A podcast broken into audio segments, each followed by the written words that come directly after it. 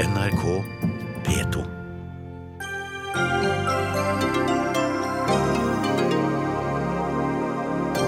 Ny sommer med sinte passasjerer og avlyste flygninger for Norwegian. Et mareritt for omdømmet, mener en flyanalytiker, mens sjefen for kundebarometeret tror vi glemmer raskt. Arbeiderpartiet vil sikre at pensjonistene ikke går i minus, som de har gjort i de tre siste lønnsoppgjørene. Ap ofrer et bærekraftig system og vil la dagens unge betale for det, sier en pensjonsekspert. Google har fått tidenes største EU-bot for brudd på konkurransereglene. Vil det føre til mer konkurranse for internettgiganten? Og det skal handle om både språk og lokalisering i en og samme debatt når vi diskuterer om Språkrådet skal flytte til Bergen.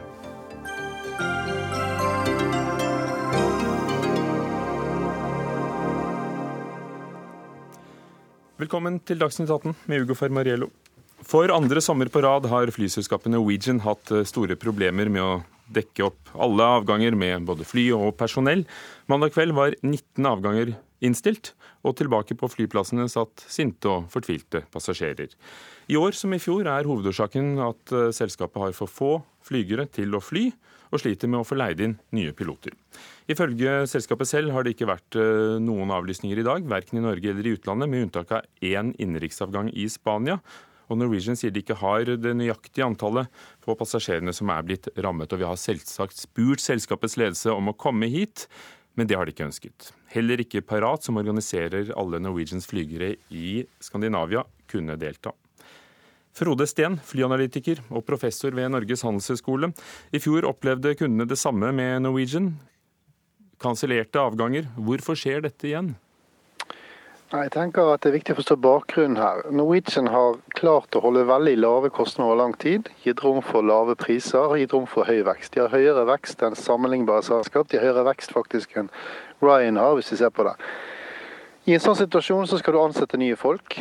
Dette er i tillegg en bransje der det er store sesongsvingninger. Og det vi ser er at de nå altså for andre år på rad ikke klarer å treffe på der de virkelig trenger det, på toppen på, på sommersesongen. Og det er aller mest reising. Og det er klart det er vanskelig når du har den type vekst, men samtidig så er det fryktelig uheldig, for det gir veldig dårlige signaler til markedet.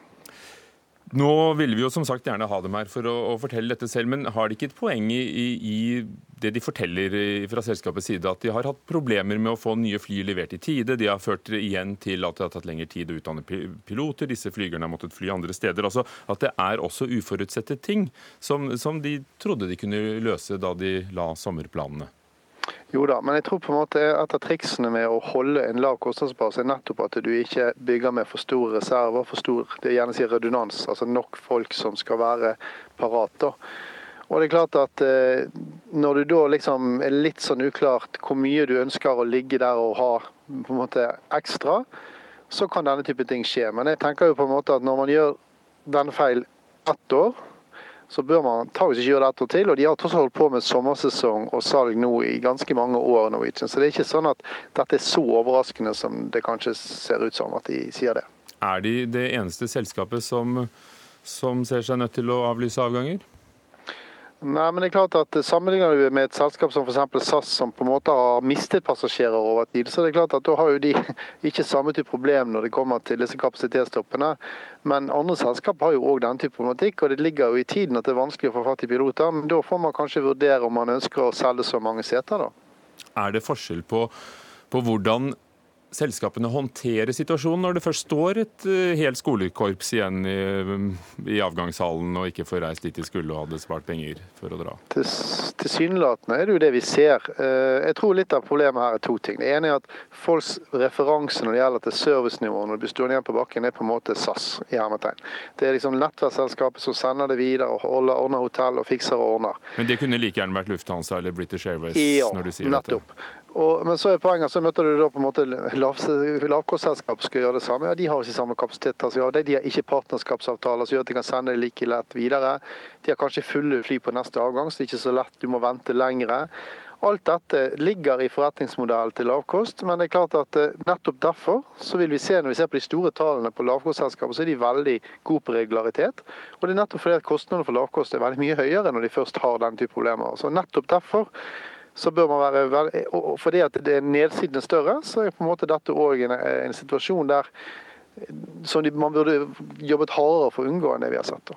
Og Hvis kundene da står igjen og opplever at de ikke får billett med et annet selskap, eh, som de kanskje er vant til fra, fra de store nettverksselskapene, hva, hvordan vil det slå ut eh, på sikt, tror du, for tilfredsheten det er et godt spørsmål. Det er klart at det, det, som er viktig når vi åpner internettet og skal ut og reise, er pris, pris, pris.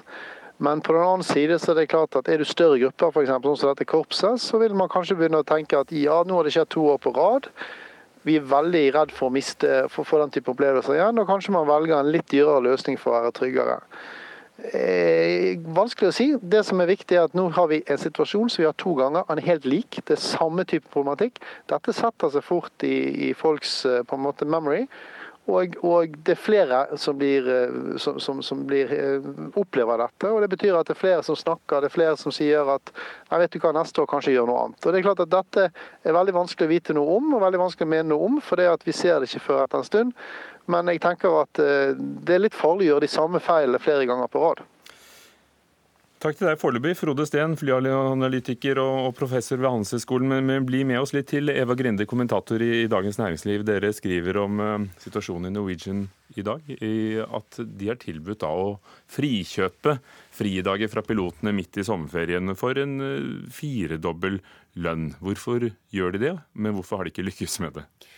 Eh, ja, De har på en måte både ikke lykkes og, og lykkes. For Først så gikk jo ledelsen i Norwegian eh, til fagforeningen og spurte om de var interessert i et, et sånt type frikjøp. Og fagforeningen sa tvert nei. Dette var imot tariffavtalen. De ønsket ikke en dobbelt så høy lønn for ekstravakter. Eh, og så gjorde jo Norwegian-ledelsen det i dag, at de gikk til den eh, enkelte pilot med et brev direkte eh, og, og tilbød det samme. Og fikk da, ifølge dem selv i hvert fall, ganske god respons. At det var faktisk noen der ute som kunne tenke seg å jobbe en dag for inntil 24 000 kroner. Eh, for en ekstravakt. Eh, men når fagforeningen sier nei, så, så tror jeg det er en offisielle versjon. Og det, det, er det ene som de sier, og det er at eh, ja, folk flyvere har også barn, vi har også lyst på sommerferie. Uh, dessuten så er det farlig å friste flyvere med for uh, lukrative uh, summer, fordi de kan komme til å si ja til å ta en vakt når de er slitne, og det kan bli farlig for passasjerene. Det er et sånt argument som vi har sansen for. Men, men som det står i brevet fra ledelsen, så, så vil de respektere alle reglement om hviletid. Ja, men der, du, du har, pilotene har jo noe som heter at de selv skal vurdere om de er fit for flight. Uh, og det har de ansvar for selv å vurdere. Så man kan, jo, man kan, jo, selvfølgelig lure på om at hvis det er veldig gull som glitrer der, at man føler seg litt bedre enn man egentlig er. Det er nå ett argument. Men jeg tror det underliggende beskjeden fra Pilotforeningen er jo mer hvorfor skal vi Hvorfor skal vi hjelpe dere med å komme ut av denne knipa når vi har sagt i snart et år at det er altfor få ansatte? Så de mener jo at det er dårlig planlegging fra ledelsen sin side, og at det er deres egen eh, skyld at de nå plutselig trenger eh, piloter. De har ikke lyst til å hjelpe dem ut av den knipa, fordi de egentlig vil at det skal være flere fast ansatte. For dette brevet kom ganske sent, men, men hva sier de om, eh, om selskapets gjøren og laden når de går utenom fagforeningen og, og skaper denne splittelsen? Det er jo et sånt symptom på en, en, veldig dårlig stemning i Norwegian som har vart, begynner å ha vart litt for lenge. Jeg tror ikke det er en veldig god organisasjonsmodell å, å satse på den type konfliktnivå som de har. Eh, og som gjør da at det kommer opp igjen samme historien eh, år etter år. Eh, det er jo en sånn underliggende konflikt her som går på at Norwegian, som har blitt et globalt selskap, ønsker å omstrukturere de gamle norske pilotene har lyst til å ha det sånn som de hadde det før. Med de samme, eh, samme sikkerhetene og de samme rettighetene. Det er sikkert mange unge som kunne tenkt seg det òg? Ja, det er det nok. Og Derfor kan det også hende at Norwegian faktisk har litt problemer med å rekruttere piloter. For det er ikke så veldig attraktivt å, å jobbe der. I hvert fall ikke hvis man kan jobbe i et av de andre selskapene som ikke er lavkost. Pål Rasshus Silseth, høyskolelektor og leder for Norsk kundebarometer ved Handelshøyskolen BI. Hva tror du det vil bety for oss som ikke flyr flyene, men eh, sitter på? Mm. Det er jo eh, påtakelig at det kommer eh, på året skulle jeg si, samme situasjon igjen. De bedyra jo at det her ikke skulle skje på samme tid i fjor. Og, men det er nok en intern konflikt som vi ser resultatet av, av her. Og dessverre så er det kundene som blir skadelidende. En ting er at Syns du de håndterer den situasjonen godt? Rent sånn. Du som er ekspert på omdømme? ja. Nei, det er fryktelig dårlig håndtert, egentlig. De, de har hatt en historie Eh, både konfliktmessig, men også hatt en historie med å være veldig dårlig på å informere kunder og følge de opp når det er avvik, når det er kanselleringer, eh, og rette opp ting som, som de har gjort feil. Eh, de setter seg gjerne litt på sånn forsvarstavla skulle jeg si, og, og, prøver å unngå egentlig erstatninger og alt.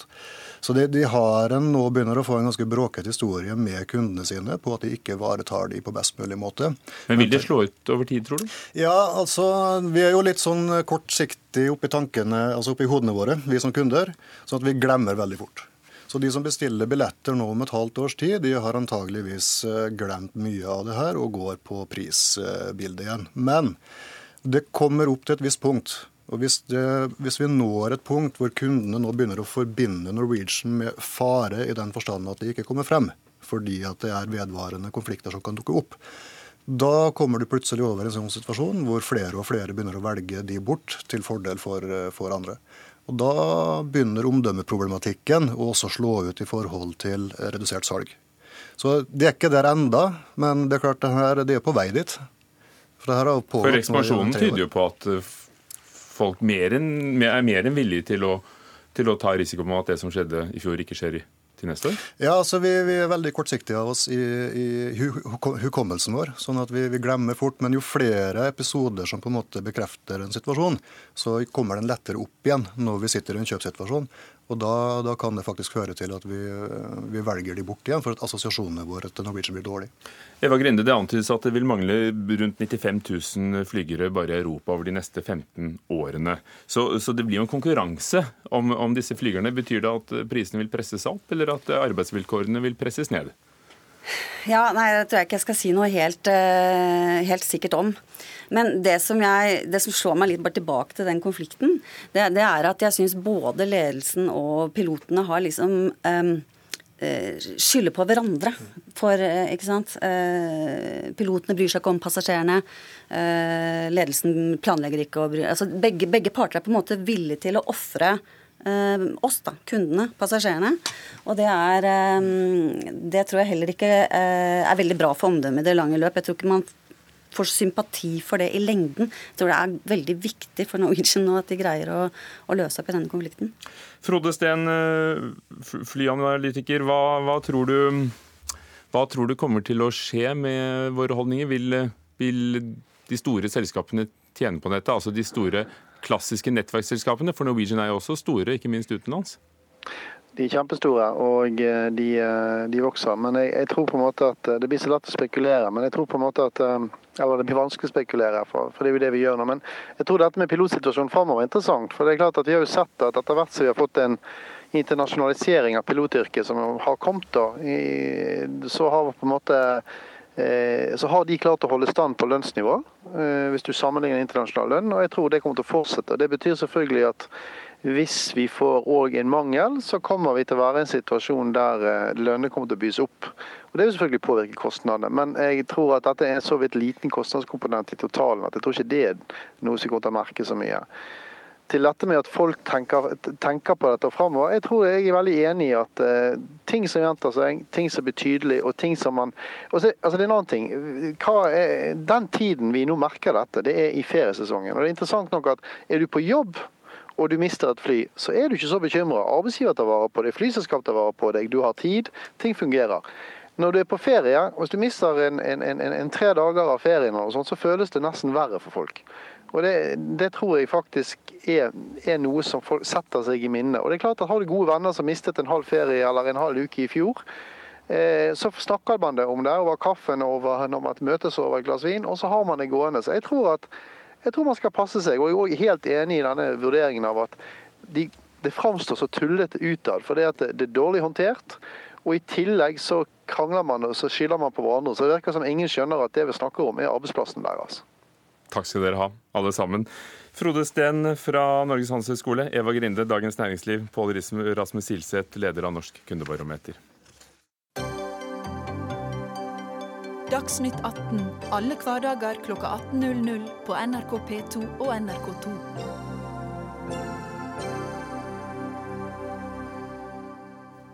De tre siste årene har eh, pensjonistene tapt penger i lønnsoppgjørene. De har fått Arbeiderpartiet til å komme med forslag om en ny ordning der pensjonistene får halvparten av arbeidstakernes lønnsutvikling når det går bra, og halvparten av nedgangen i dårlige år. Trond Giske, nestleder i Arbeiderpartiet, dere la frem dette forslaget i, i dag. Det er jo ikke tilfeldig, kanskje, siden det er valg til høsten. Um, hvorfor mener dere at dette er et forslag som um, er mer rettferdig enn den modellen dere var med på å skrive under på?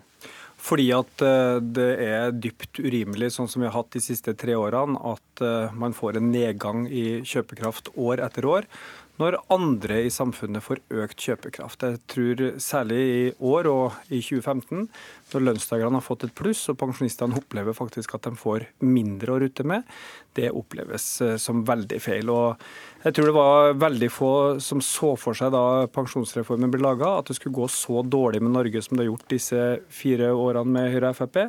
Men vi må ha et system som er robust nok til å tåle det, og det gjør ikke dagens system. Vi er nødt til å endre det, slik at pensjonistene får mer trygghet og forutsigbarhet, og at vi har en rettferdighet i dette. Men så gikk det jo bedre da, med pensjonistene under dagens ordning i de årene de går godt, enn det vil gjøre med ditt forslag. Ja, det gikk veldig ja, godt i årene. Som styrte. Og, og, og, og, dere vil jo i regjering, så formodentlig vil det jo gå enda bedre med dere, og da vil pensjonistene tape. Ja da, altså det vil nok gå bedre når vi kommer i regjering, fordi at det er klart det har sammenheng med å ha folk i arbeid ha vekst i økonomien eh, og ha sysselsettingsøkning. Og Det har vi jo ikke hatt eh, nå de siste årene. I 2016 har vi jo hatt en nedgang i, Men med andre ord, antall ansatte. Hvis lønnsmottakere får mer enn halvannen prosent vekst i året, da vil pensjonistene tape på den ordningen du foreslår? Altså Hvis du får en eh, vekst for lønnstakere på halvannen prosent, så vil de komme nøyaktig likt ut som med dagens ordning. Hvis du får en enda høyere aldersvekst, som det nå ser dårlig ut for akkurat nå, så vil jo pensjonistene få en god lønnsøkning, men ikke riktig så mye som på gamle ordning. Men så men, godt men, kommer det ikke til å gå med dere? Nei, altså det, i hvert fall er det viktigste at man har en trygghet for at man ikke får mindre penger å rutte med. Altså Det er jo helt urimelig at når lønnstakerne får pluss, så skal pensjonistene få minus. Eller det verste året, da, i fjor, hvor lønnstakerne fikk et ganske stort minus, og så skal pensjonistene få enda mer i minus. Det tror jeg de aller fleste må være enig i er helt urimelig, og dette vil Arbeiderpartiet endre. Regjeringa burde tatt initiativet til det, nå tar vi initiativet til det. Få høre, da. Beate Farø, pensjonsrådgiver i eh, Aon Norge og Høyre-politiker i Nesodden kommune i Akershus. Eh, hvem går det utover eh, hvis pensjonistene skal få mer? Det som vil skje da, det er jo at man sender regningen til neste generasjon. Jeg synes det er trist at vi eh, nå i 2011 innførte en Eller det er bra at vi i 2011 innførte en pensjonsreform eh, under et bredt politisk flertall eh, som sørget for at det var bærekraft i vårt pensjonssystem fremover. Og det er to ben som dette pensjonssystemet står på når det gjelder bærekraften. Det ene, som ikke går utover dagens pensjonister i det hele tatt, eh, men som dagens yrkesaktive, og jo yngre du er, dagens ungdom, må ta fullt og helt inn innover seg og ansvaret for, det er levealdersjusteringen av pensjonen. Det betyr at dagens 30-åring vil få en reduksjon på 23 28 i forhold til dagens pensjonister når de skal gå av med pensjon. Så de eh, betaler enda mer? De betaler enda mer. Og det andre eh, beinet i denne bærekraftige pensjonsreformen, det er pensjonsreguleringen. Og det var da en bred enighet om at man skulle da sørge for at den ble også justert noe ned, slik at ikke man hadde samme utvikling som lønnsmottakerne. Og så må jeg da legge til at det er feil å si at, det har vært, eh, at lønnsmottakerne har hatt eh, reallønnsvekst. I 2016 så sier jo statistikken at det faktisk har vært en reallønnsnedgang også blant eh, lønnsmottakerne. Og ja, da vil det være slik, slik systemet vårt er lagd, at da får pensjonistene noe mindre. Men fortsatt så har de sluppet unna det vesentligste, og det er levealdersjusteringen. Og noen skal du betale. Det var jo de hadde jo noen gode ordninger, de som er pensjonister i dag, i forhold til hva, hva neste generasjon kommer til å få? Nei, det er jeg uenig i. Altså, det er vel ingen generasjon i norgeshistorien som har hatt så høye lønninger og også kommer til å ha så høye pensjoner som vi som er i 40- og 50-åra i dag. Så sammenligna med veldig mange av dem som er pensjonister i dag, og som har opplevd en annen tid, så tror jeg vi kommer veldig godt ut. Men dere har regnet på det, det skal koste sånn umiddelbart 400 millioner kroner omtrent ja, da, og... dette her. Hvor skal du ta dem fra? Nei, altså vi, 400 millioner i, i, neste år, det er en veldig liten sum i forhold til de 220 milliardene vi bruker på pensjoner, så det skal vi nok tåle godt. Eh, men over tid så vil dette komme likt ut med de anslagene som er for lønnsvekst over en sånn 20-30-årsperiode. Det er anslått at man skal komme med en lønnsvekst på ca. 1,5% og da vil dette systemet slå likt ut over tid. Men du vil ta bort dette urimelige med at pensjonistene får minus. Og i fjor så var det jo et ordentlig skippertak for lønnstakerne. Eh, Pga. den elendige økonomiske situasjonen vi er i, så fikk lønnstakerne et kraftig kutt i lønningene sine. Pensjonistene ville med vårt system også måtte vært med på det, men bare halvparten så mye som lønnstakerne. Med dette systemet vi har i dag, så fikk de enda større kutt enn vanlige lønnstakere. Og pensjonister har begrensa mulighet til å ta ekstraarbeid eller ta overtidstimer eller alt det som arbeidstakere kan gjøre. Man sitter her med de samme regningene, men mindre penger å betale for. Da må vi lage et system som er tryggere, mer robust og mer rettferdig. Og over tid vil det bli likt? Giske, du, du slipper bare urimelighetene sånn fra år til år? Dette at man nå, seks år etter pensjonsreformens innføring, kommer med endringer fordi man ser at det kom skjevt ut, dette var man klar over. Dette snakket vi om i 2011. At det at man i stedet For det var jo et forslag om at man skulle ha gjennomsnitt av lønns- og prisvekst, men man valgte i en veldig høykonjunktur å si at man ønsket da lønnsvekst minus 0,75 eh, og, og det viser jo at vi har ikke et system som holder en gang i seks år, før man da løper etter og vil endre det, fordi vi har hatt noen tøffe år. Eh, og eh, det vil da være slik at vi får ikke et pensjonssystem som har legitimitet, fordi vi sender regningen til fremtidens generasjoner. Og bare kommentere på det med 40- og 50-åringene og lønns, øh, lønningene der. Vi har jo et generasjonsregnskap på mange områder. Boligpriser, det er mange ting som man kan ta opp i det generasjonsregnskapet. Og dette er jo dine kunder som øh, pensjonsmekler. Erlend Wiborg, stortingsrepresentant for Fremskrittspartiet. Pensjonistene har kanskje tapt eh, fordi det er vi enige om i, i lønnsutviklingen, men, men de får noe annet, sier du?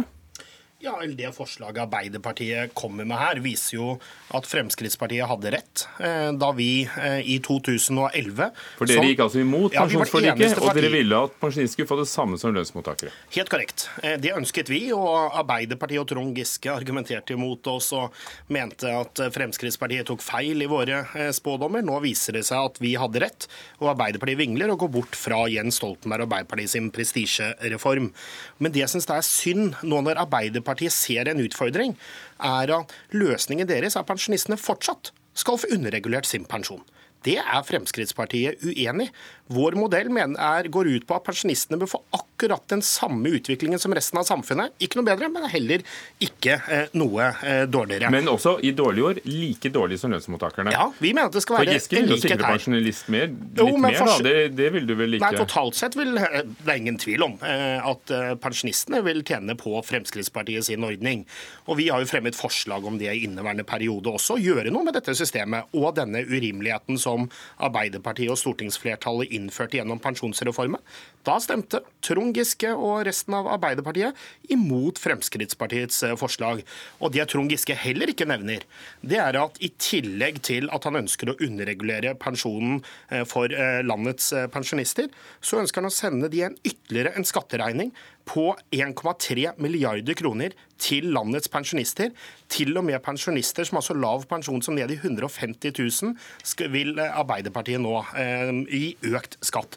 Og Det er en urimelighet overfor de som faktisk har bygget landet. De har betalt inn pensjon, de har betalt inn trygdeavgift gjennom et langt liv, og da fortjener de jaggu meg å få den samme veksten som resten av samfunnet. Vil du ta med den ene hånden og gi med den andre? Nei, det vil vi ikke. Eh, med vårt pensjons- og skatteopplegg så vil ni av ti pensjonister få lik eller lavere skatt som i dag.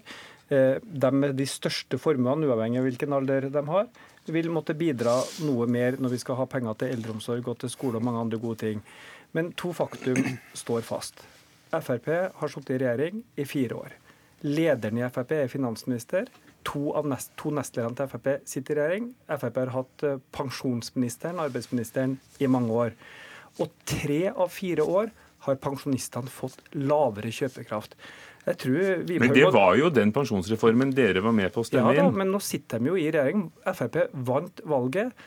Man har lagt fram fire statsbudsjett. Man har gjennomført fire pensjonsoppgjør. Hvor har Frp vært da, da? I regjering? Det kan han få svare på. Er det, er det, men hvor, hvor, ja, men hvorfor Spørsmålet da, er det, er det, er det Høyre da, som har hindra FrPs sju statsråder med finansministeren i spissen? Dere har klart å kjempe gjennom 25 milliarder skattekutt. Det er mange ganger det det hadde kosta å rette opp eh, skjevheten i pensjonssystemet. Erlend Wiborg, det skal, skal du straks få svare på. Men først vil jeg spørre deg, Giske. Hvorfor vil dere, bare seks år etter pensjonsforliket, som dere var, eh, var med på å få i stand, det var jo ikke Frp, eh, hvorfor vil dere nå forandre det allerede? Er ikke det kortsiktig, selv om det kan oppleves urimelig i Nei. noen enkeltår? Jeg vil nesten si det motsatte. Jeg tror at det å endre det bygge opp tilliten til pensjonssystemet. Hvis vi fortsetter med år hvor pensjonistene får minus negativ kjøpekraft, mindre å rutte med, samtidig som at lønnstakerne får mer å rutte med, så tror jeg at støtten til hele pensjonssystemet forvitrer. Og da taper Og er det rettferdig da rettferdig for de unge i fremtiden, hvis de får en høyere regning? Altså, Vi som er middelaldrende 40-50-åra i dag, vi har jo de høyeste lønningene noen generasjon har hatt. Vi kommer til å ha de høyeste pensjonene. Ja, men poenget er at det er, jo ikke, det er jo ikke oss det er synd på. Ja, vi skal bidra med levealdersjustering når vi blir pensjonister. Men nå er det er ikke du bidrag. ung lenger, det er vel de som er enda yngre Ja, men det er et stort, på? Jeg er med på dem som blir en, eh, den generasjonen som, som, som eh, treffes av dette. Og dermed så får vi et robust pensjonssystem. Men- Ok, vi har skjønt poenget. Nei, nei, vent litt. Erlend Wiborg, Erlend Wiborg, dere satt et øyeblikk. Erlend Wiborg, dere har altså sittet i regjering i alle disse årene. Kunne dere påvirket litt mer, eller har Høyre trumfet gjennom dette pensjonsregimet? Ja, Aller først, det at Trond Giske sitter her og snakker om sin egen pensjon, syns jeg er toppen av frekkhet. Han har med respekt å melde en gullpensjon etter den snakk om gamle ordningen. Eh, synes Så jeg syns du skal være litt og så våre tar-. Og så går det på, Jeg kan fortelle hvorfor ikke vi har fått endret denne underreguleringen. Det er fordi Fremskrittspartiet fremmet forslag i inneværende valgperiode i Stortinget om å endre dette. Da stemte Trond Giske imot. Da stemte Jonas Gahr Støre imot, og stortingsflertallet stemte imot det forslaget.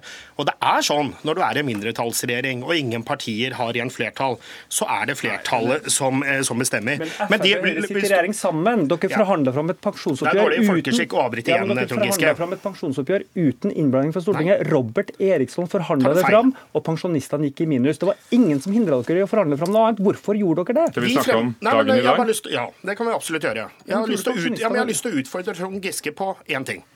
Fremskrittspartiet er for å fjerne all underregulering og sørge for at pensjonistene får den samme lønnsutviklingen som resten av samfunnet. Er det et forslag du og Arbeiderpartiet ønsker å støtte, eller vil du fortsette underreguleringen av pensjoner? Og det er et ja- og nei-spørsmål. Ja, men altså, vi har jo stått Ja, men ja eller nei? nei, men vet du, jeg finner meg ikke i Du må jo kunne at vi har svare på om dere vil støtte dette forslaget. Ja, men du, ærlig talt, dere vant valget Ja, men kan du svare hva Arbeiderpartiet om dere vil jeg, jeg kommer ikke til å klare å kunne snakke ferdig uten at du slutter å avbryte.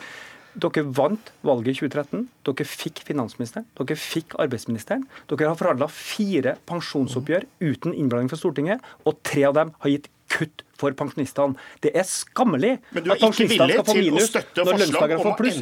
Og systemet. Frp har ansvaret for det. Nå har du et forslag fra Arbeiderpartiet. Du kan stemme for det. Det vil rette opp denne skjevheten. Men det er synd at Frp og Høyre går imot det. Vi skal slåss for det. Vi skal vinne valget i høsten, og da skal vi gjennomføre det. Og det får vi se på. dette systemet. Men igjen, det hadde vært interessant om Arbeiderpartiet kunne svare på hvorfor de ikke vil svare, må du nøye deg med det du fikk. Beate Fare, som en som jobber med pensjon til daglig og er Høyre-politiker, ja. Ble du klokere? Overhodet ikke. Og igjen så har man glemt de som kommer etter oss. 30-åringene, 20-åringene som har problemer Men boligmarkedet. de er kjempeprivilegerte, sier han. Overhodet ikke. Takk Og de skal får lav pensjon. alle sammen. Beate Fare, pensjonsrådgiver hos Aon Norge og Høyre-politiker i- i Nesodden. Erlend Wiborg fra Frp og Trond Giske i Arbeiderpartiet.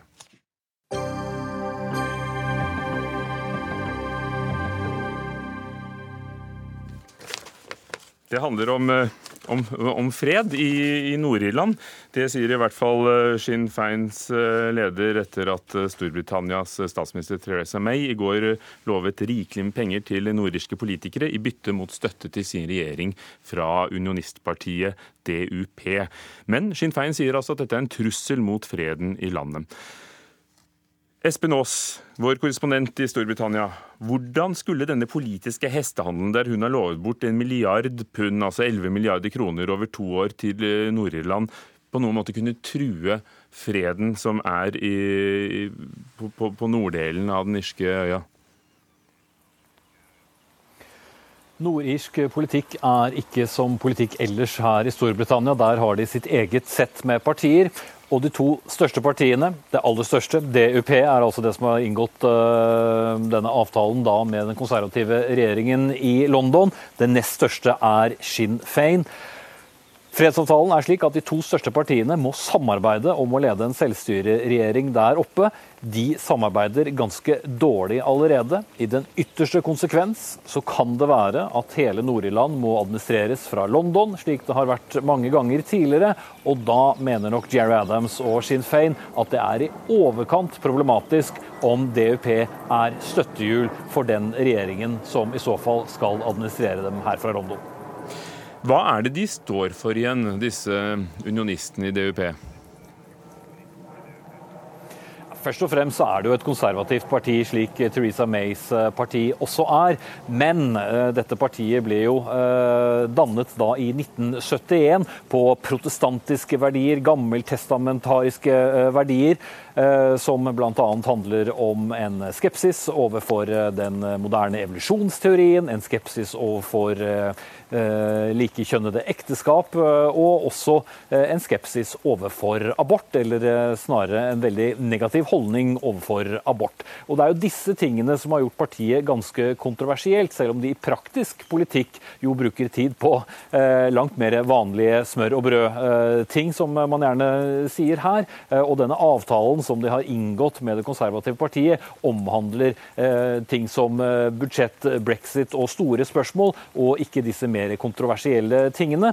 Og DUP er jo også da et veldig unionistisk parti, et parti som er opptatt av at Nord-Irland skal forbli britisk, og ikke på noen som helst tidspunkt bli gjenforent med Irland, slik som Sinn Fein og republikanerne ønsker seg. Ja, for Sinn Fein er jo nettopp det motsatte. Og det er jo et paradoks da, at eh, sammen her så skal de klare å, å, å danne en, en selvstyreregjering for, for Nord-Irland.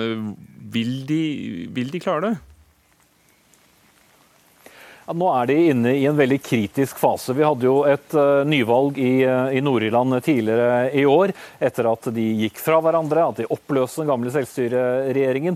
Dette valget har likevel ikke løst noe særlig. Fortsatt står Sinn Fein og Unionistpartiet langt fra hverandre, men i løpet aller helst av morgendag og senest på torsdag så må de to partiene bli enige om veien videre. Hvis ikke så er det den nordirske ministeren i Theresa Mays regjering som må må eh, drive den praktiske politikken på vegne av Nord-Irland. Det ønsker nok verken DUP eller Sinn Fein, men de to har altså ikke vært spesielt gode til å samarbeide på lang, lang tid. Spøker det for, eh, for, for støtten til eh, Theresa Mays regjering i London?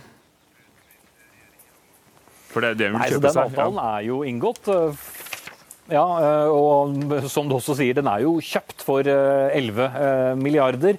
Og dermed så har disse ti medlemmene som DUP har i regjeringen her i London, lovet å støtte på de viktigste sakene. Og så må de forhandle på enkeltsaker. Så Theresa May vil jo aldri ha flertall til enhver tid, men hun får støtte for budsjettet. Hun får støtte på brexit-forhandlingene, som er de aller viktigste sakene. Og så har unionistpartiet i Nord-Irland også lovet at de ikke kommer til å kreve noe når det gjelder prosessen i Nord-Irland videre. Eh, fredsavtalen fyller jo 20 år neste eh, påske, men fortsatt så er det jo spørsmål som ikke er eh, avklart der. og Derfor så er det jo mange som har vært kritiske til at Theresa May skulle inngå denne, freds, unnskyld, denne, denne samarbeidsavtalen med DUP, deriblant tidligere statsminister John Major, som jo var veldig aktiv i å forsøke å få i gang en skikkelig fredsprosess i Nord-Irland på 90-tallet. Takk skal du ha, Espen Aas i London.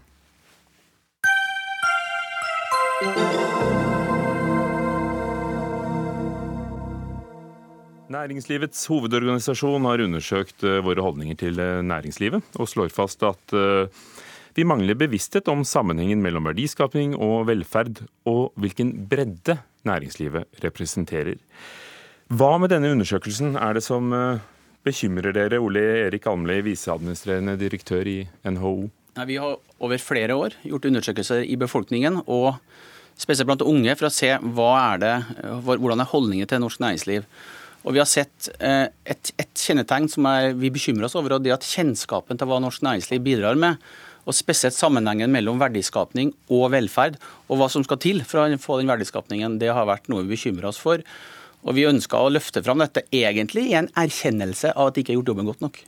Dette er en erkjennelse som vi nå må ta inn over oss og jobbe mye mer med både NHO og norsk næringsliv. Men når blir dette et problem? For, for de fleste vet jo at penger vokser ikke på trær, og at, at det er bedrifter som skaper verdier? Nei, Problemet oppstår den dagen vi ikke har mulighet til å finansiere den velferden vi ønsker. Når vi ikke klarer å finansiere skolen, eh, helsetilbudene og ballbingen. Og når jeg drar rundt i landet og møter bedriftsledere i fjorder og på fjell og overalt, så ser jo jeg godt hva som skjer når det ikke går bra i, et, i, en bedrift. Da taper man inntekter og muligheter til å finansiere opp det som er av offentlig tilbud, bl.a. Og så må vi forstå en annen ting. og det at perspektivmeldingen, som er en veldig veldig viktig melding å lese for alle som har lyst til å ha litt sommerlektyre og kose seg med. og Den viser jo at du må skape mange hundre tusen arbeidsplasser de neste 50-60 årene. Og Da trenger vi å legge til rette for at næringslivet kan skape de arbeidsplassene, ikke minst for at våre ungdommer skal få lov til å få seg jobber som er spennende. De som skal betale for de pensjonene vi hørte om for litt siden her akkurat, i Dagsnytt 18. Sigrun Gjerløv Aasland, fagsjef i Tankesmien Agenda, som ifølge dere selv står til sentrum venstre. Eh, du leser undersøkelsen helt motsatt og, og skriver om dette i Aftenposten og, og får til at vi er mer positive til næringslivet enn f.eks. Eh, naboene våre i, i, Danmark og Sverige. Ja, Den undersøkelsen som NHO har lagt fram, den viser det. Og så syns jeg det er litt rart. Jeg stusset over det da jeg leste om eh, NHOs egen omtaleundersøkelsen, hvor de sier de er bekymret for at nordmenn ikke forstår næringslivet, og nordmenn forstår ikke sammenhengen mellom verdiskaping og velstand. Eh, og Så leser vi undersøkelsen, og så blir bl.a. folk spurt eh, om de er enig i at et lønnsomt næringsliv er en forutsetning for velferd. Eh, og Det er 60% av nordmenn sterkt enig i. 4 det er ganske lite, er uenig i det. Eh, og det er bedre tall enn f.eks. Danmark og Sverige, hvor denne undersøkelsen også er gjennomført. Og så går man da ut og sier... For du sier, mener at det er en forutsetning? Selvfølgelig er det en forutsetning, og jeg tror alle nordmenn er enig i det. Og da syns jeg det blir så rart å lage en sånn konflikt som, som jeg ikke ser. Eh, vi reiser mye rundt i Agenda, snakker med mange. Ingen eh, Jeg tror alle, de aller, aller fleste nordmenn heier på næringslivet, vil at næringslivet skal lykkes, skjønner at vi trenger verdiskaping og vekst for å sikre framtidas velferd. Eh, og det viser jo også den undersøkelsen. Eh, og så blir det litt rart, da, når man på en måte bruker den til å gå ut og si at nordmenn forstår ikke. Eh, de forstår ikke verdiskapingens betydning, de forstår ikke sammenhengen mellom verdiskaping og velstand, og, de forstår det mindre enn dansker og svensker gjør, når det som undersøkelsen faktisk sier, er det motsatte. Hva, hva, vil dere oppnå med denne undersøkelsen? Ja, Det er jo ålreit å høre at Aasland har skjønt sammenhengene mellom velstand og, og, verdiskaping. og Det tror jeg veldig mange må høre på henne, høre hun si det. For at vi opplever når vi snakker med ungdom, vi har hatt fokusgrupper og vi snakker med, har gruppesamtaler, så opplever vi at ungdom har lite kjennskap til næringslivet. Blant annet så er det nå men Hva vil dere oppnå? Hvorfor ja, har du disse undersøkelsene? Vi, vil oppnå, vi ville først eh, finne ut hvordan det var. Og, og, vi ble litt lei oss, for vi følte at vi har svikta egentlig jobben vår. Når vi så disse undersøkelsene, så vurderte vi skal vi gå ut eller ikke med det, for vi tror at det er verdt en debatt, bl.a. nå i valgkampen. Hvorfor tror du at de lager den undersøkelsen?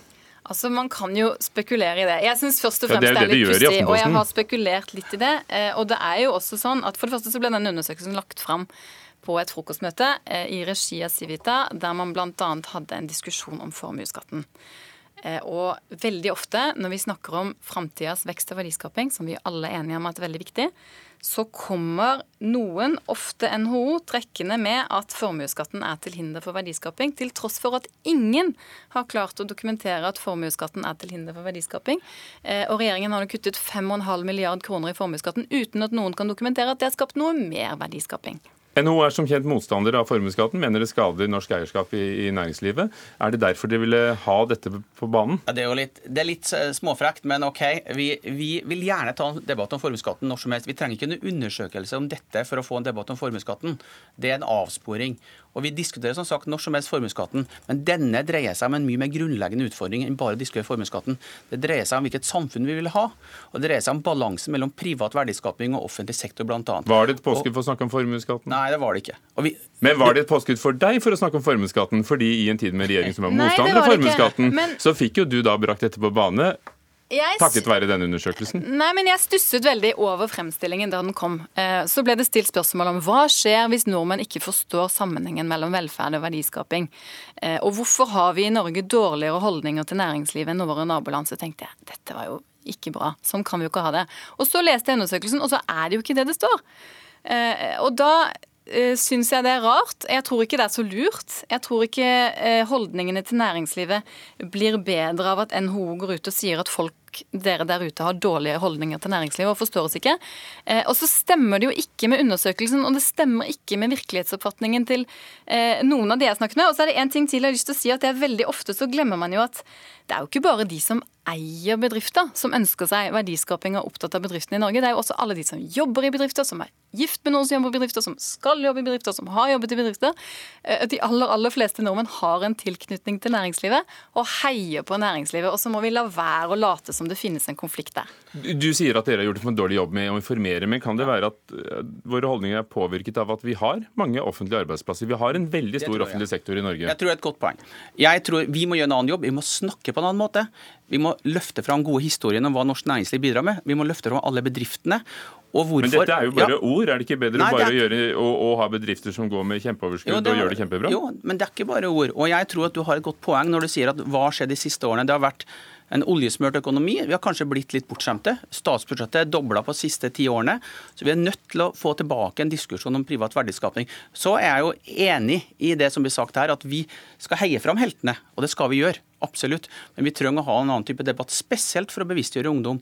En disse... debatt om formuesskatten før valget, kanskje? De, de, ja, ta gjerne en debatt om formuesskatt, men det er mye mer om det. Det er debatt om hvordan vi skaper eh, gode kompetansearbeidsplasser, hvordan vi har en utdanning så ungdom kan få seg jobb osv. Det er mye mye bredere enn bare formuesskatten. Politikk, er det, det er politikk. Og det er jo det du det mener er, noe av det viktigste? Det er jeg også veldig for, men, men i en diskusjon så syns jeg det er rart å fremstille noe som noe annet enn det der. Når man gjør en undersøkelse som viser at nordmenn har sterk oppslutning om næringslivet, så syns jeg det er rart å si at man ikke har det. Du er gammel nyhetsredaktør i Aftenposten, ja, til og med. Ja, vi er jo litt overraska at vi får kritikk for dette. Vi venta egentlig å få kritikk fra våre egne på at vi la fram disse tallene. Men Var du litt tabloid i hvordan du la det frem? Det kan vi godt være, men poenget er at dette er en veldig viktig debatt. Og Det er en debatt om hvordan vi skal ha et Norge framover. Og om du skal være tabloid og kommer her i Dagsnytt 18 og snakke om privat verdiskapning, så er det veldig bra. Da skal jeg ikke nevne ordet formuesskatt en gang til, for da ville vi hatt det gående i, ja. i, i, nok en runde. Takk skal dere ha. Ole Erik Almli, viseadministrerende direktør i NHO, og Sigrun Gjerløv Aasland fra tankesmien Agenda. Hør Dagsnytt 18 når du vil. Radio NRK Radio.nrk.no.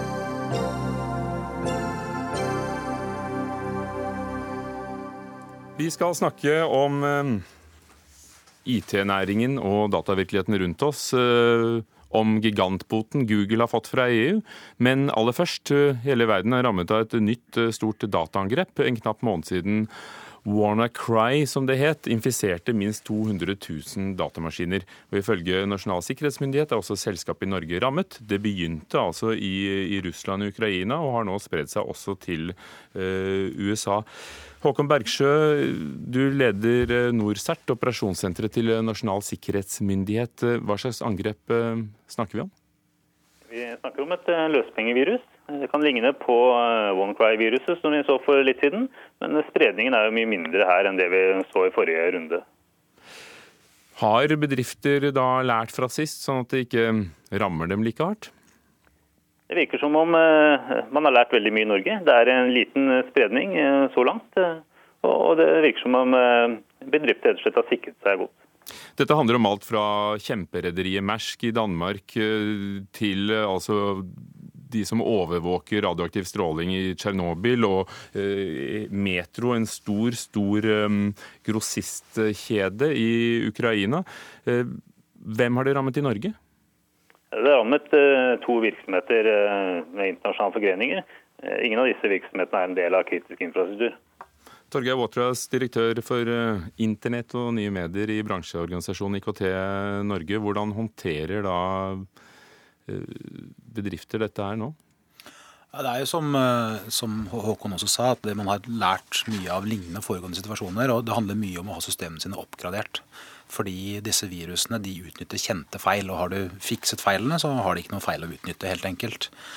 Men selv om dette ikke er i stor og dramatisk spredning i Norge enda, og selv om det i forhold til hele verdensbefolkningen ikke er i stor spredning, så er det likevel dramatisk når vi ser enkeltland bli rammet, sånn som Ukraina har blitt nå, med flyplass, med postvesen, med strømselskap, med banker osv. Og uh, Dette er jo bare eksempler på ting vi kommer til å se mer av. Så, så det å, å, få mer fokus på sikkerhet i toppledelse, i styrerom, mer sikkerhetskompetanse og forståelse i befolkningen generelt, det er helt avgjørende. Håkon Bergsjø, er det noe privatpersoner bør være obs på, eller er det lar vi EDB-avdelingene ta hånd om dette i store bedrifter? Vi tror at bevissthet er noe av det viktigste. Så lenge folk er bevisst på hva som kan skje, så vil de også da ta de tiltak som er nødvendige. Eh, sikkerhetsoppgradering er jo et helt klart tiltak. Være forsiktig med hva man klikker på på, på linker er også et av de andre klare anbefalingene. Hva gjør dere i Nasjonal sikkerhetsmyndighet for å stanse et angrep som dette? Med en gang vi får vite om noe sånt, så varsler vi alle som er på våre kontaktlister, være seg kritisk infrastruktur, andre sektorer og miljøer, sånn at alle vet eh, hva som skjer med en gang, og kan ta altså, tiltak i, i sine egne sektorer. Men hvem står bak? Det er jo alltid et eh, godt spørsmål. Det virker jo som det er økonomisk motiverte aktører bak dette her, eh, som OneCry. Men hvem det er, det kartlegger jo nå politiet over hele verden. Torgeir Waterhouse, hva tror du? Hvem kan stå bak? Ja, det er jo selvfølgelig veldig interessant å spekulere med utgangspunkt i at det ser ut som det er Ukraina som er absolutt hardest ramma. Eh, og den spekulerer i om de har noen, noen som liker å ramme de eller ikke. Eh, men samtidig så er det mye som kan tyde på at dette nok en gang er snakk om penger. Og vi skal, skal ikke undervurdere eh, hva som er, kan skje når, når vi vet at så store kriminelle organiserte miljøer ønsker å tjene penger på denne måten. Og så kan jeg bare legge til at i Tsjernobyl så foretar de nå alle disse sjekkene som vanligvis er eh, elektronisk håndtert manuelt, og at alle systemene igjen virker som normalt, skriver uh, nyhetsbyrået Reuters. Da skal vi snakke om uh, Google. 23 milliarder kroner er den summen EU har bestemt å gi internettgiganten i bot. EU mener at Google har brutt konkurranselovene ved å gi en fordel til sin egen handletjeneste når man søker på et resultat. Og dette er altså rekordstort. En tidenes største bot fra EU. Finn Myrstad, fagdirektør i Forbrukerrådet for digitale tjenester. Ehm, hvordan har dette virket, dette EU anklager Google for å ha gjort? Eh, veldig enkelt sagt så eh, har det vært sånn at Google har en tjeneste som, der du kan fange opp søk på sko osv. Så, videre. så får du tid når du søker på sko, så kommer Googles eh, tjeneste, salgstjeneste opp først og på siden og fremhever i søk. Framfor andre tjenester som kanskje konkurrerer med Google, har blitt pressa ned. Så Google har manipulert søkene til, til, folk. Og det har gjort at både konkurransen har blitt svekka og valgfriheten har blitt svekka. Men det er, det er ikke sånn at Googles egne underselskaper har kjøpt den annonseplassen da, og stiller på lik linje med med andre konkurrenter? Nei, det er det kommisjonen mener at Google har gitt seg selv en helt egen forrang, eh, som gjør at de vises på en helt annen måte enn noen som helst andre selskaper. F.eks. så vises Google-resultatene med bilder, mens de andre betalte annonsene bare med skrift. Og Det har vært med på å drive trafikken til Googles tjeneste på en måte som kommisjonen i EU mener er urimelig og i strid med konkurransereglene. Vi har selvfølgelig vært i kontakt med Google Norge. De ønsker ikke å stille, men, men, de uttaler jo da at selskapet er uenig i EUs konklusjon og vil vurdere om de skal anke avgjørelsen etter å ha undersøkt alle detaljene i det. Torgeir Watrøs, eh, folk velger jo selv eh, å oppsøke Google. Er det noe, er det noe feil i at et stort selskap utnytter fordelen å, å annonsere med sine egne tjenester?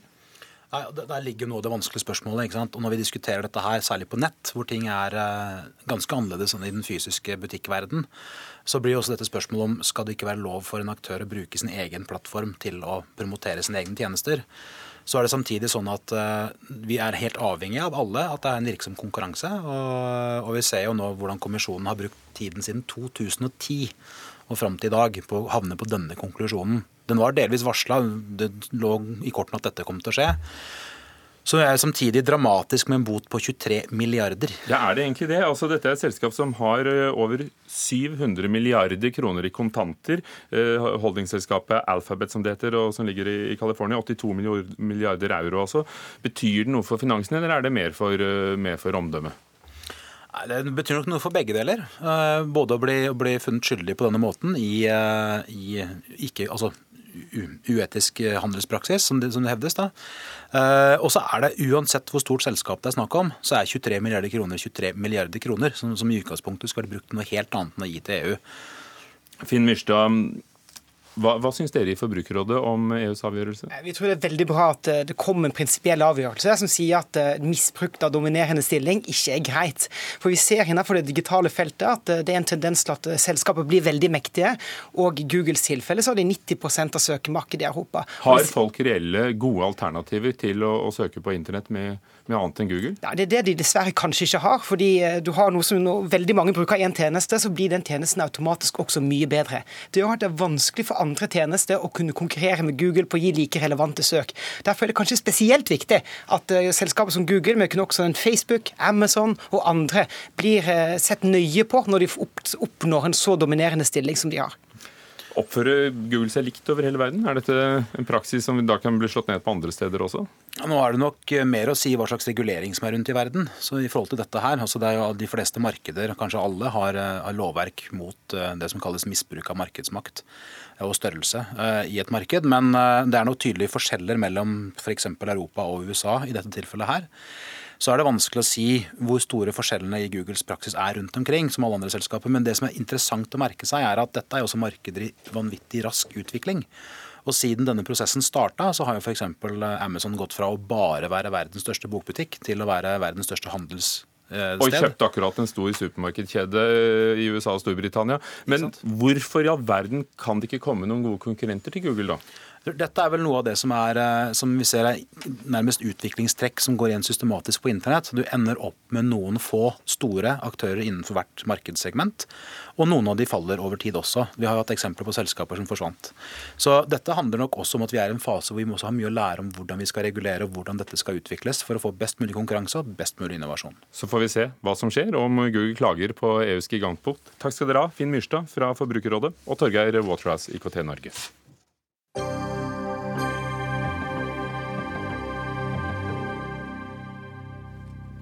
Språkrådet bør det ligge i Oslo, hvor det befinner seg, eller i Bergen?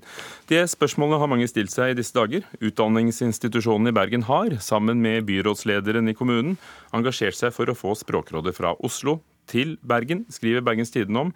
Og dette har ført til mange reaksjoner. Dag Rune Olsen, rektor ved Universitetet i, i Bergen. Dere har skrevet et brev sammen med rektor ved skolen og Høgskolen og, og byrådet, byrådet. Hvorfor er det riktig å flytte Språkrådet fra Oslo til Bergen? Vi tror at når man først skal flytte statlige institusjoner og arbeidsplasser ut av Oslo, som det kan være veldig mange gode grunner til å gjøre, bl.a. Eh, demokratiserende og spre makt, så, så må man flytte de til steder hvor det finnes et kunnskapsgrunnlag for å utvikle og ikke minst opprettholde den aktiviteten det er snakk om. Og I dette tilfellet, Språkrådet til Bergen, det mener vi er aldeles i tråd med det. For det er jo da regjeringen som har antydet at de vil da vurdere og undersøke om Språkrådet skal flyttes, og eventuelt hvor. Og så har dere meldt dere på. Otta Grepstad, venstrepolitiker, tidligere styreleder i Språkrådet. Det er verdt å nevne nå. Er det en god idé? Ideen om å flytte Språkrådet fra Oslo jeg mener jeg er den dårligste språkpolitiske ideen fra 2000-tallet. Kan bare måles mot Høyre-vedtaket på landsmøtet om å vurdere å sette rettskrivinga for nynorske bokmål ut av Språkrådet. Og Det er tre grunner til det. Det ene er at språkbrukerne trenger et sterkest mulig språkråd, tettest mulig på eh, en forvaltning i Oslo som har veldig lett for å bagatellisere det språklige. Eh, det, det, blir en større avstand for svært skjøre språkmiljø, minoritetsspråk osv. hvis en flytter det. Jeg tror Universitetet i Bergen er mer avhengig av at Språkrådet er operativt hver eneste dag de neste fem åra enn en kanskje tror. Og så må jeg bare si at det å flytte Språkrådet betyr å begynne på nytt. Og det eneste i dette landet som tjener på det, det er høyreliberalistene på bokmålssida som ønsker et svakest mulig språkråd. Dag Rune Olsen, ønsker du svakest mulig språkråd? Har, har, dere glemt hva det betyr å flytte en sånn institusjon med, med ansatte som kan en masse? Nei, på ingen måte.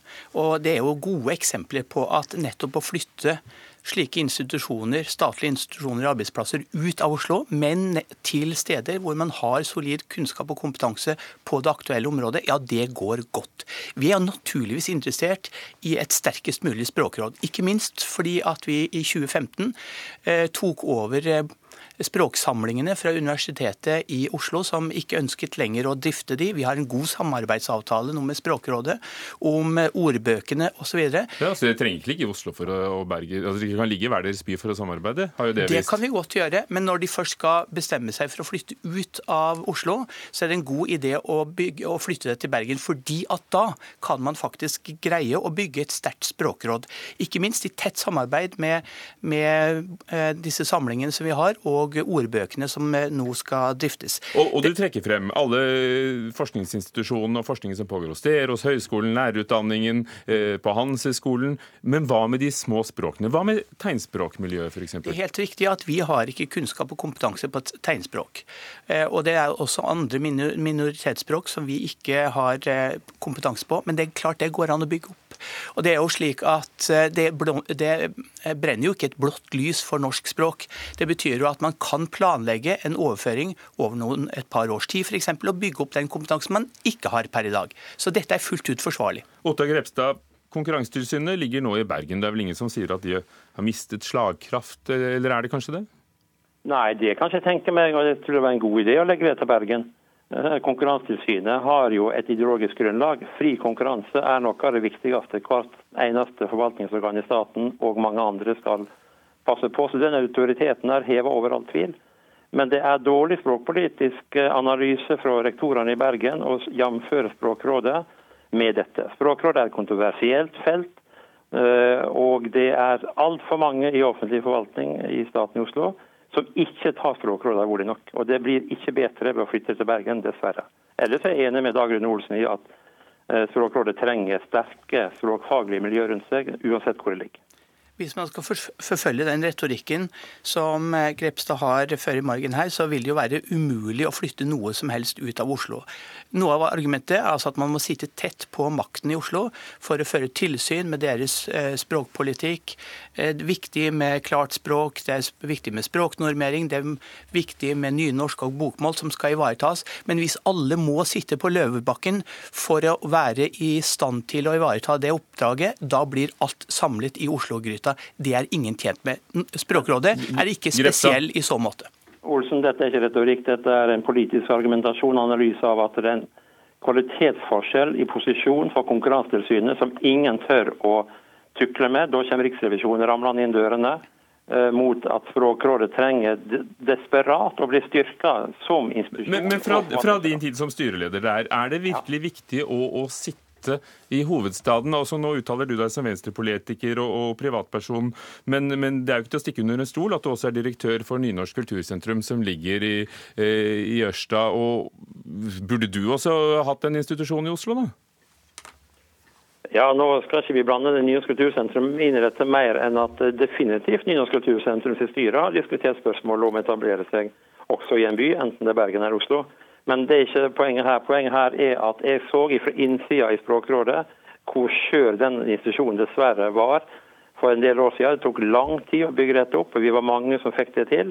Og Jeg tror ikke en skal undervurdere de problemene dette eh, representerte, og den situasjonen Språkrådet kommer i hvis en nå begynner på nytt. For det det en må, og det er unødvendig. Men det går an. Det, det viser, jo, viser, jo, ditt virke, at, at å, å, ligge et annet sted og, og likevel påvirke? Ja, eh, hvis du har nok autoritet i utgangspunktet. og Det er det som er dilemmaet her, at Språkrådet dessverre ikke har det. Og eh, Derfor så tror jeg at en skal også merke seg at um, det er ingen av de sentrale kulturpolitikerne i Høyre som syns dette er en god idé. Uh, og det er noen krefter i Venstre som dessverre jobber for dette. Det er egentlig det som er bakgrunnen for hele diskusjonen. Jeg har mye større tillit og tiltro til Språkrådet i Norge.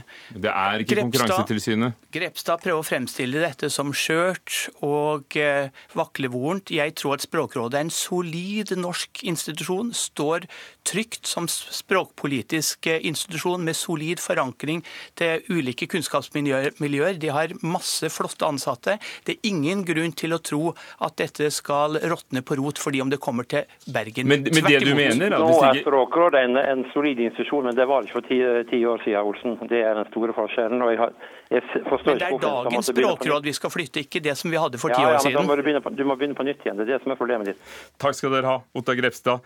Tidligere styreleder i Språkrådet og venstrepolitiker Dag Rune Olsen, rektor i Universitetet i Bergen. Lisbeth Sellereite var teknisk ansvarlig, Dag Dørum ansvarlig for Dagsnytt 18 og programleder Ugo Fermariello. Takk for i dag.